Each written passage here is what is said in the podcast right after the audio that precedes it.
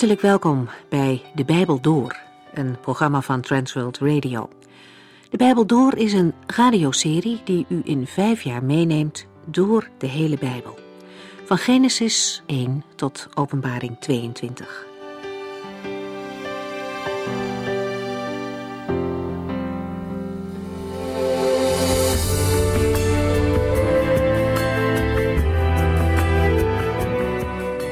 We vervolgen deze Bijbelserie vandaag met Lucas 2 vanaf vers 31. In de vorige uitzending stond de geboorte van Jezus Christus centraal. De Romeinse keizer liet een volkstelling houden om te inventariseren wie er allemaal belastingplichtig waren. En dat bracht Jozef en Maria in Bethlehem. Met deze toevoeging plaatst Lucas de geboorte van Christus ook op een historisch moment. Hij laat iets zien van de nauwkeurigheid waarmee hij het verhaal van Jezus wil doorgeven. Bij de bekende verzen uit de kerstgeschiedenis zagen we een enorme tegenstelling. Enerzijds de wereldheerser, keizer Augustus, die het voor het zeggen had, een man met macht en aanzien. Anderzijds een pasgeboren baby die ergens onopvallend in een stal lag, afhankelijk van de zorg van anderen. Een paar herders zochten hem op en eerden hem. Ruwe, gewone mannen bogen zich als eerste voor de koning. Veel mensen hebben hun voorbeeld gevolgd en buigen ook in onze tijd nog voor de koning van alle koningen. En keizer Augustus is inmiddels niet meer dan iemand uit een geschiedenisboek. Maar die baby uit die stal is een levende koning die eens voor altijd zal regeren.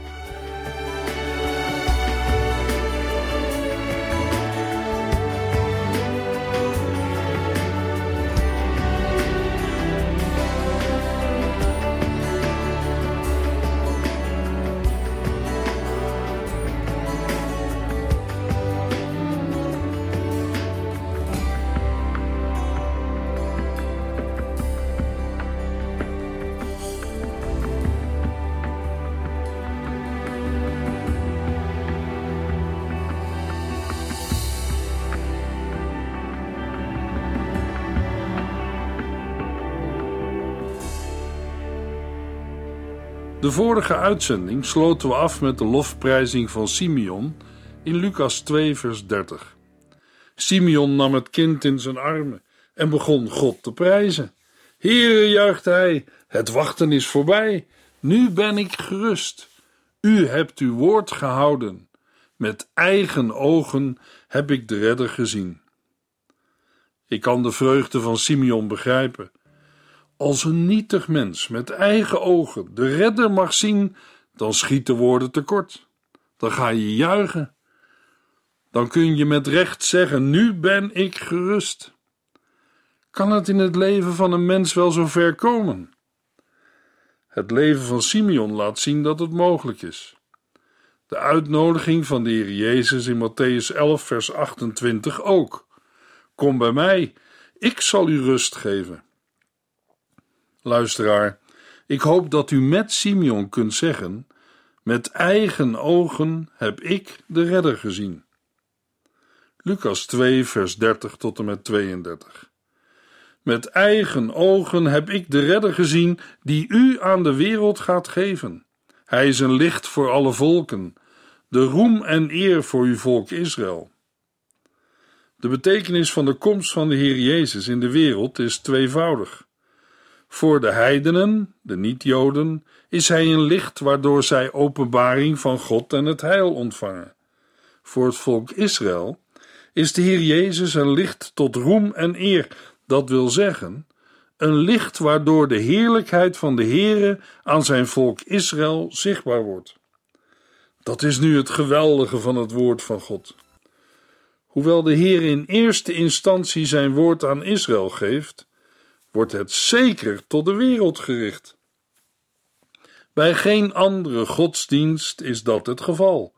Andere godsdiensten zijn in het algemeen beperkt tot een bepaalde groep of volk. Maar de Heere heeft vanaf het begin alle mensen op het oog. Dat wordt bevestigd door de belofte aan Abraham in Genesis 12, vers 3. U zult voor alle volken een zegen zijn. Hoe? In en door de Messias, Jezus Christus. Lucas 2, vers 33 tot en met 35. Verwonderd luisterden Jozef en Maria naar wat Simeon over hun kind zei. Simeon noemde hen bevoorrechte mensen. Maar waarschuwde hij Maria: er zal een zwaard door uw ziel gaan, want velen in Israël zullen zich aan dit kind ergeren, tot hun eigen ongeluk. Maar vele anderen zal hij de grootste vreugde geven. Hij zal de diepste gedachten van de mensen aan het licht brengen. Het valt op dat de Griekse grondtekst niet de naam van Maria noemt, maar en Jozef en zijn moeder verwonderden zich over hetgeen van hem gezegd werd. Er staat niet zijn vader en zijn moeder. De verbazing van Jozef en Maria over de woorden van Simeon is begrijpelijk. Een voor hen volstrekt vreemde man blijkt niet alleen nauwkeurig geïnformeerd te zijn over wie hun kind is, namelijk de beloofde Messias, naar wie het Joodse volk zo lang had uitgezien, hij weet hun zelfs meer te vertellen dan zij tot nu toe hebben gehoord van engelen en van herders. Hij is een licht voor alle volken, de roem en eer voor uw volk Israël. De komst van Jezus Christus brengt het heil aan de hele wereld, inclusief Israël. De uitdrukking er zal een zwaard door uw ziel gaan is niet letterlijk op te vatten, als zou Maria later de martelaarsdood sterven, maar overdrachtelijk. Zij zal hartverscheurend leed ervaren door wat er met haar zoon zal gebeuren. De felle tegenstand en verwerping die Jezus ten deel zullen vallen, zullen ook Maria als moeder tot in het diepst van haar ziel treffen. Daarbij moeten we onder andere denken aan de dood aan het kruis van Jezus. Johannes 19 vertelt dat zij er zelf getuige van was. Vers 34 drukt uit met welk doel de Heere de Messias tot ergernis van velen in Israël stelt en anderen de grootste vreugde zal geven, namelijk om de hartsgesteldheid van de mensen openbaar te maken. Bij Jezus blijkt hoe mensen over God denken. Een mens die de Heer Jezus aanneemt, is voor God, maar wie Jezus verwerpt, is tegen God. Jezus zegt in Matthäus 12, vers 30: Wie niet voor mij is, is tegen mij. Wie mij niet helpt om mensen te verzamelen, jaagt ze uiteen. Lucas 2, vers 36 tot en met 38. Er was in de tempel ook een profetes, Anna, een dochter van Fanuel. Ze hoorde bij de stam van Aser en was 84 jaar oud. Zeven jaar na haar huwelijk was haar man gestorven. En nu kwam ze nooit buiten de tempel. Dag en nacht bleef ze daar om God te dienen met vasten en bidden. Zij kwam er net aan terwijl Simeon met Jozef en Maria stond te praten. Ook zij begon God te danken. Aan iedereen die uitkeek naar de bevrijding van Jeruzalem, vertelde zij dat de Christus was gekomen. De stokoude profetes Anna of Hanna is een indrukwekkend voorbeeld van iemand die haar leven volledig aan de dienst van de Here had gewijd. Of Anna, net als Simeon, al van tevoren op de hoogte was dat dit kind de door God gezonden Messias was, valt uit de tekst niet op te maken. Maar uit vers 38 blijkt dat zij volkomen instemt met de woorden van Simeon. Vanaf dat moment verkondigt zij Jezus als de Messias aan iedereen die uitkeek naar de bevrijding van Jeruzalem. Hoe deed ze dat? Door te vertellen dat de Christus was gekomen. Ook zij begon God te danken. De tekst van haar lied wordt niet vermeld, maar het moet een loflied zijn geweest. Lucas 2, vers 39 en 40. Nadat Jezus' ouders alles hadden gedaan wat zij volgens de wet van God moesten doen, gingen zij terug naar huis, naar Nazareth in Galilea. Daar groeide het kind op tot een flinke, sterke jongen. Hij bleek een bijzondere wijsheid te hebben. De genade van God was op hem. De versen 39 en 40 vormen niet alleen de afsluiting van het bezoek van Jozef, Maria en Jezus aan de tempel in Jeruzalem, maar ook van heel de geboortegeschiedenis. Als wetgetrouwe ouders hebben Jozef en Maria alle voorschriften in acht genomen die in de wet van Mozes waren vastgelegd. Jozef en Maria keerden terug naar huis, naar Nazareth in Galilea, de stad waar zij gewoond hadden voor zij naar Bethlehem waren gegaan. Lucas maakt geen melding van de periode die het gezin in Egypte doorbracht voordat zij naar Nazareth terugkeerden. Matthäus 2. In Nazareth groeide het kind op tot een flinke, sterke jongen. Hij bleek een bijzondere wijsheid te hebben.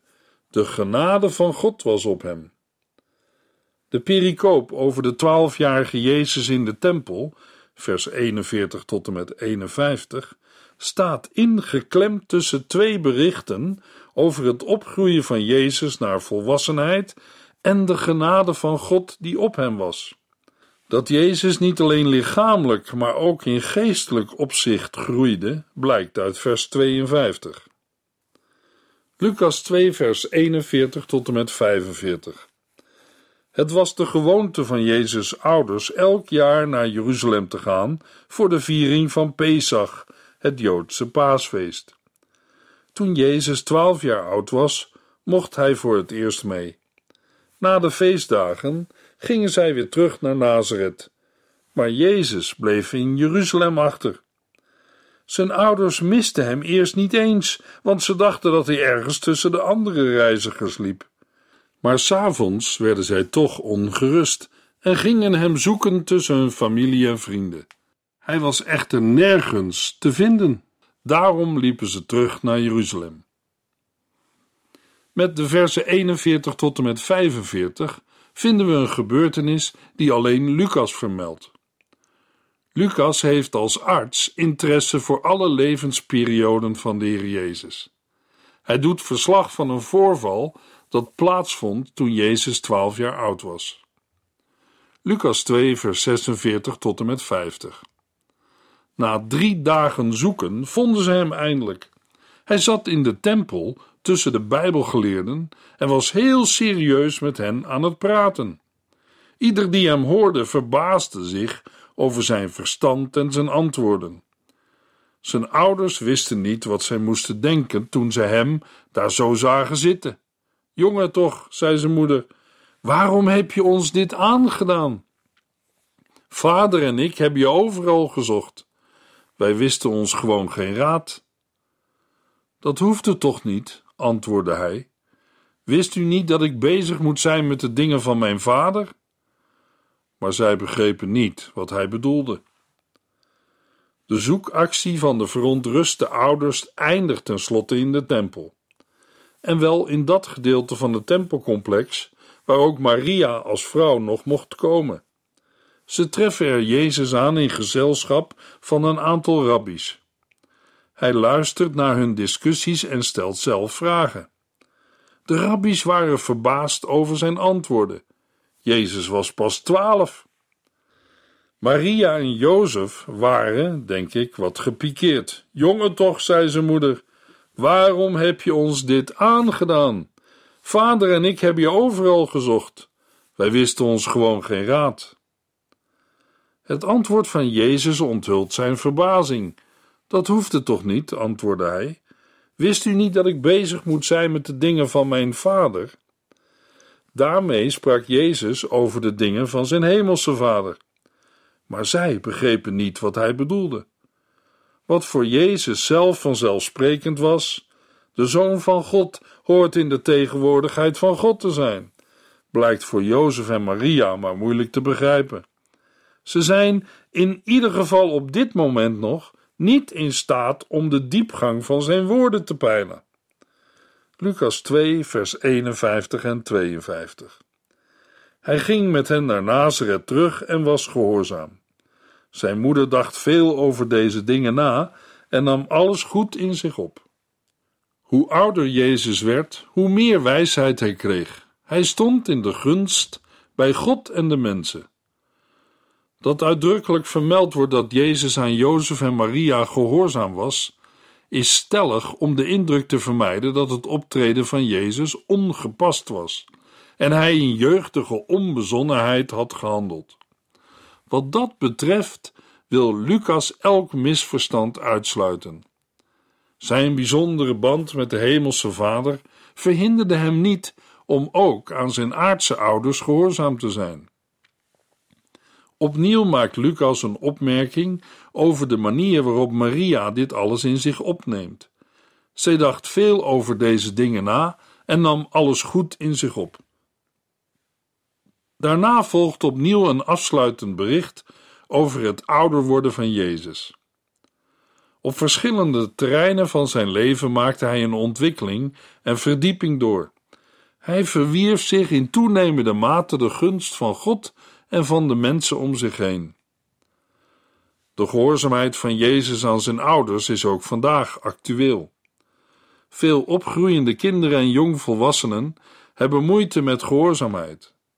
Een ander aspect van dit punt is het respect voor ouderen van jonge mensen. In beide gevallen is het voor iedereen goed om geen voorbarige conclusies te trekken en geen genoegen te nemen met beperkte en bevooroordeelde informatie. Laten we, indien mogelijk, kapotte ouder-kindrelaties proberen te herstellen en te onderhouden. Al in de tien geboden zegt de Heere: heb eerbied voor uw vader en uw moeder, dan krijgt u een lang en goed leven in het land dat de Heer uw God u zal geven. Exodus 20, vers 12. Lucas 3, vers 1. Keizer Tiberius was al vijftien jaar aan het bewind. Pilatus was gouverneur van Judea. Herodes gouverneur van Galilea. Zijn broer Philippus gouverneur van Iturea en Trachonitis. En Lysanias gouverneur van Abilene.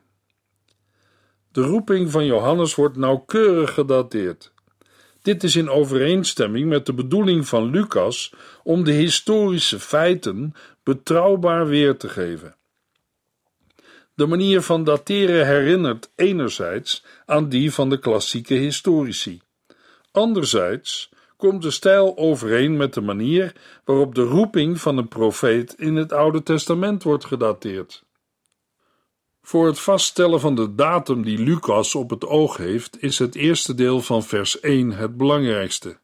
Keizer Tiberius was al 15 jaar aan het bewind. Dat is rond het jaar 28 na Christus. Lucas laat de heilsgeschiedenis inhaken in de wereldgeschiedenis.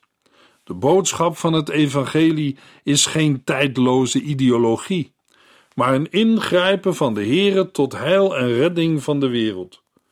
Op een aanwijsbare plaats en op een dateerbaar moment. De rest van vers 1 geeft een samenvatting van de politieke situatie in het Joodse land. Pontius Pilatus was van 26 tot 36 na Christus gouverneur over Judea. Het ambtsgebied Judea omvat ook Samaria. Herodes is Herodes Antipas, die van 4 voor Christus tot 39 na Christus regeerde over Galilea en Perea. In het boek wordt hij gouverneur genoemd, maar in de Griekse grondtekst staat de titel viervorst. Letterlijk betekent dat een vorst over een vierde deel. Een titel die werd gebruikt voor een vorst van een klein gebied. Philippus, de broer van Herodes Antipas, was viervorst over Iturea, een gebied ten oosten en noorden van het meer van Galilea, als ook van Trachonitis, een landstreek ten zuiden van Damascus. Herodes en Philippus waren beide zonen van Herodes de Grote, die, ten tijde van de geboorte van Jezus, koning was over heel Judea. Lysanias regeerde over Abilene, het gebied rondom de stad Abilene ten noordwesten van Damascus. Onder het bewind van deze mensen viel zowel het optreden van Johannes de Doper als dat van de Heer Jezus. Lucas dateert met de aanpak van een echte historicus de bediening van Johannes de Doper met behulp van de algemene geschiedenis. Hij legt de nadruk op Johannes' boodschap van berouw als voorwaarde voor de komst van de Messias. Vanuit de oud-testamentische wetgeving van wassing in water, waarbij onderdompeling in die tijd algemeen gebruikelijk was, doopte Johannes iedereen die met berouw van zonden tot hem kwam. De doop van Johannes was alleen een voorbereiding, een zedelijke reformatie op de komst van Christus. Jezus Christus zou dopen met de Heilige Geest. Hij zou de echte verandering brengen en geven. De stamboom in Lucas 3 laat twee feiten zien. Allereerst gaat de geslachtslijn terug tot Adam, waarmee het echt mens zijn van de Heer Jezus wordt aangegeven. Matthäus benadrukt in zijn stamboom, in het Matthäus-evangelie, de afstamming van Abraham. Voor Joodse mensen is dat belangrijk. In de tweede plaats laat Lucas zien dat de Heer Jezus ook afstamt van koning David, via Davids zoon Nathan, vers 31 en 1 Kronieken 3 vers 5. Keizer Tiberius was al 15 jaar aan het bewind. In vers 1 van Lucas 3 worden zes personen genoemd die helpen bij een datering van de geschiedenis die wordt weergegeven. Caesar Augustus was keizer toen de Heer Jezus Christus werd geboren. Maar toen Johannes de Doper zijn bediening begon, was Tiberius Caesar keizer. De algemene geschiedenis, die ons die bijzonderheden moet leveren, vertelt ons dat Tiberius briljant, maar wreed was. Hij had een scherp inzicht, maar was geslepen. Hij was onmenselijk en goddeloos. Hij probeerde de wereld te onderwerpen. Lucas 3, vers 2. Annas en Caiaphas waren de hoge priesters van de Joden. Toen Johannes, de zoon van Zacharias, in de woestijn was, hoorde hij de stem van God. Een opvallend begin van vers 2. Waarom waren er twee hoge priesters? Annas en Caiaphas waren de hoge priesters van de Joden. Het is een verwijzing naar de Joodse machthebbers die in de Romeinse provincies de rechterlijke en bestuurlijke taken bleven vervullen. In de provincie Judea werd deze gevormd door het Sanhedrin en de hoge priester was de voorzitter van het Sanhedrin. Hoewel het hoge priesterschap een taak voor het leven was, gaf de Romeinse overheid de functie voortdurend en naar willekeur aan iemand anders. Annas was negen jaar hoge priester, maar behield na zijn afzetting door de Romeinen niet alleen zijn titel, maar ook door familiebanden erg veel invloed. In het jaar 18 na Christus werd Caiaphas aangesteld als hoge priester. Hij was de schoonzoon van Annas. Vanwege zijn invloed is Annas het eerst genoemd, maar in feite is Caiaphas de enige hoge priester in functie. De roeping die Johannes al van voor zijn geboorte met zich droeg, gaat in vervulling. Hij hoorde de stem van God, of anders gezegd, het woord van God kwam tot Johannes, de zoon van Zacharias. Woorden die herinneren aan de roeping van de profeten uit het Oude Testament. Johannes hoorde bij de profeten, maar tegelijk was hij ook meer, omdat hij een bijzondere taak had. Hij moest de komst van de Messias niet alleen aankondigen, maar ook voorbereiden. De Heer Jezus vraagt in Lucas 7 aan de mensen over Johannes: Naar wat voor man zijn jullie gaan kijken daar in de woestijn? Hebt u daar een profeet gezien? Ja, zelfs meer dan een profeet. Over hem werd geschreven: Ik stuur mijn boodschapper voor u uit om voor u een weg te banen. Johannes hield zich op in dorre streken in de woestijn, Lucas 1, vers 80. Een plaats waar een mens helemaal is aangewezen op de genade van God. Voor Johannes bijzonder geschikt om zich voor te bereiden op zijn taak. Alleen de Heer is bij hem. Bovendien heeft Jezaja geprofiteerd dat de komst van de Messias zou worden voorbereid vanuit de woestijn. Jezaja 40. Johannes de Doper is een markant mens. Hij doet de mensen denken aan Elia, maar ook aan hem die op een dag zou verschijnen, de Messias. Johannes de Doper was een ongewone man. Lucas heeft over zijn bijzondere geboorte verteld, aangekondigd door de engel Gabriel. Over zijn jeugd worden geen mededelingen gedaan. De volgende gebeurtenis, die wordt vermeld, is het begin van zijn bediening. Hij was een priester, een profeet en een prediker. Als zoon van Zacharias was Johannes door geboorte een priester. Maar hij werd door de Here tot profeet geroepen. Lucas 3, vers 3. Daarna trok hij de hele Jordaanvallei door en riep de mensen op zich tot God te bekeren. Door zich te laten dopen, konden zij tonen dat zij dat echt wilden. Johannes predikte de doop tot bekering. Hij is de laatste van de oud-testamentische profeten en loopt als het ware zo het Nieuwe Testament binnen. Hij is anders in zijn kleding, zijn eten en zijn uiterlijk. Ongeschoren, ruig en draagt kleren van kameelhaar. Zijn leven zal hetzelfde verloop hebben als de meeste oud-testamentische profeten. Zij werden ter dood gebracht. De boodschap van Johannes was krachtig en scherp. In Lucas 3, vers 4 tot en met 6 citeert Lucas Jesaja 40. Lucas 3, vers 7 en 8. De mensen kwamen in drommen naar Johannes om zich te laten dopen. Maar hij zei tegen hen: Stelletjes sluwe slangen, wie heeft u verteld dat u aan het komende oordeel van God kunt ontsnappen?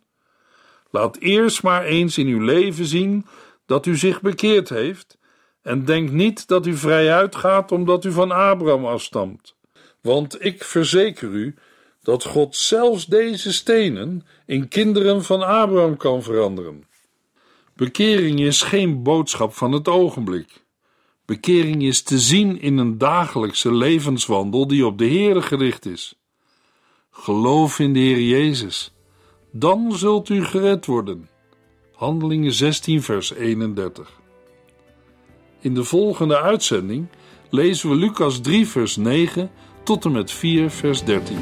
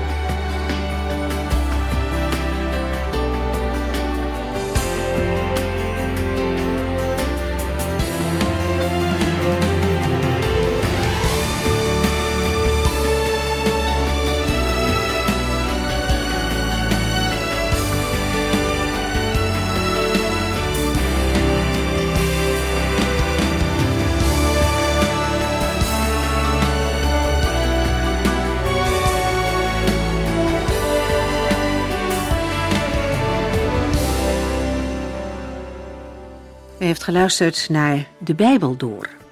In het Nederlands vertaald en bewerkt door Transworld Radio. Een programma waarin we in vijf jaar tijd de hele Bijbel doorgaan. Als u wilt reageren op deze uitzending of u heeft vragen, dan kunt u contact met ons opnemen. Tijdens kantooruren kunt u bellen op 0342 478432. 0342 478432. 32. Ook kunt u een e-mail sturen naar de Bijbel door transworldradio.nl en natuurlijk kunt u ook via de post ons bereiken. TWR, postbus 371, postcode 3770, AJ in Barneveld. Dit programma werd gepresenteerd door Cor Weda en Ike André. Techniek was in handen van Odin van Woerdekom. En wij allemaal bedanken u voor het luisteren. Graag tot de volgende keer.